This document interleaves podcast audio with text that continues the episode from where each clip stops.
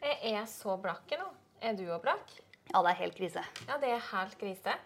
Det vi har lyst til å snakke om, det er hvordan vi skal slutte å være blakke. Hvordan vi skal kunne få råd til det vi egentlig har mest lyst til, som Ferde på ferietur, dra på festival i sommer, utdrikningslag, kjøpe en gave til meg sjøl som jeg ønska meg lenge. være med vennegjengen på byen. Listen fortsetter jo i det uendelige. Ja, den er lang. Den er lang.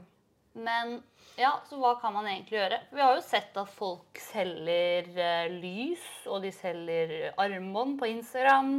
Eller undertøy, Undertøy, ja. Kanskje det er det vi må begynne å gjøre. kanskje. Ellers så er det jo aksjer. Bli god på det. Da må man jo ha penger. Ja, jeg må ha penger for å bruke penger. Ja.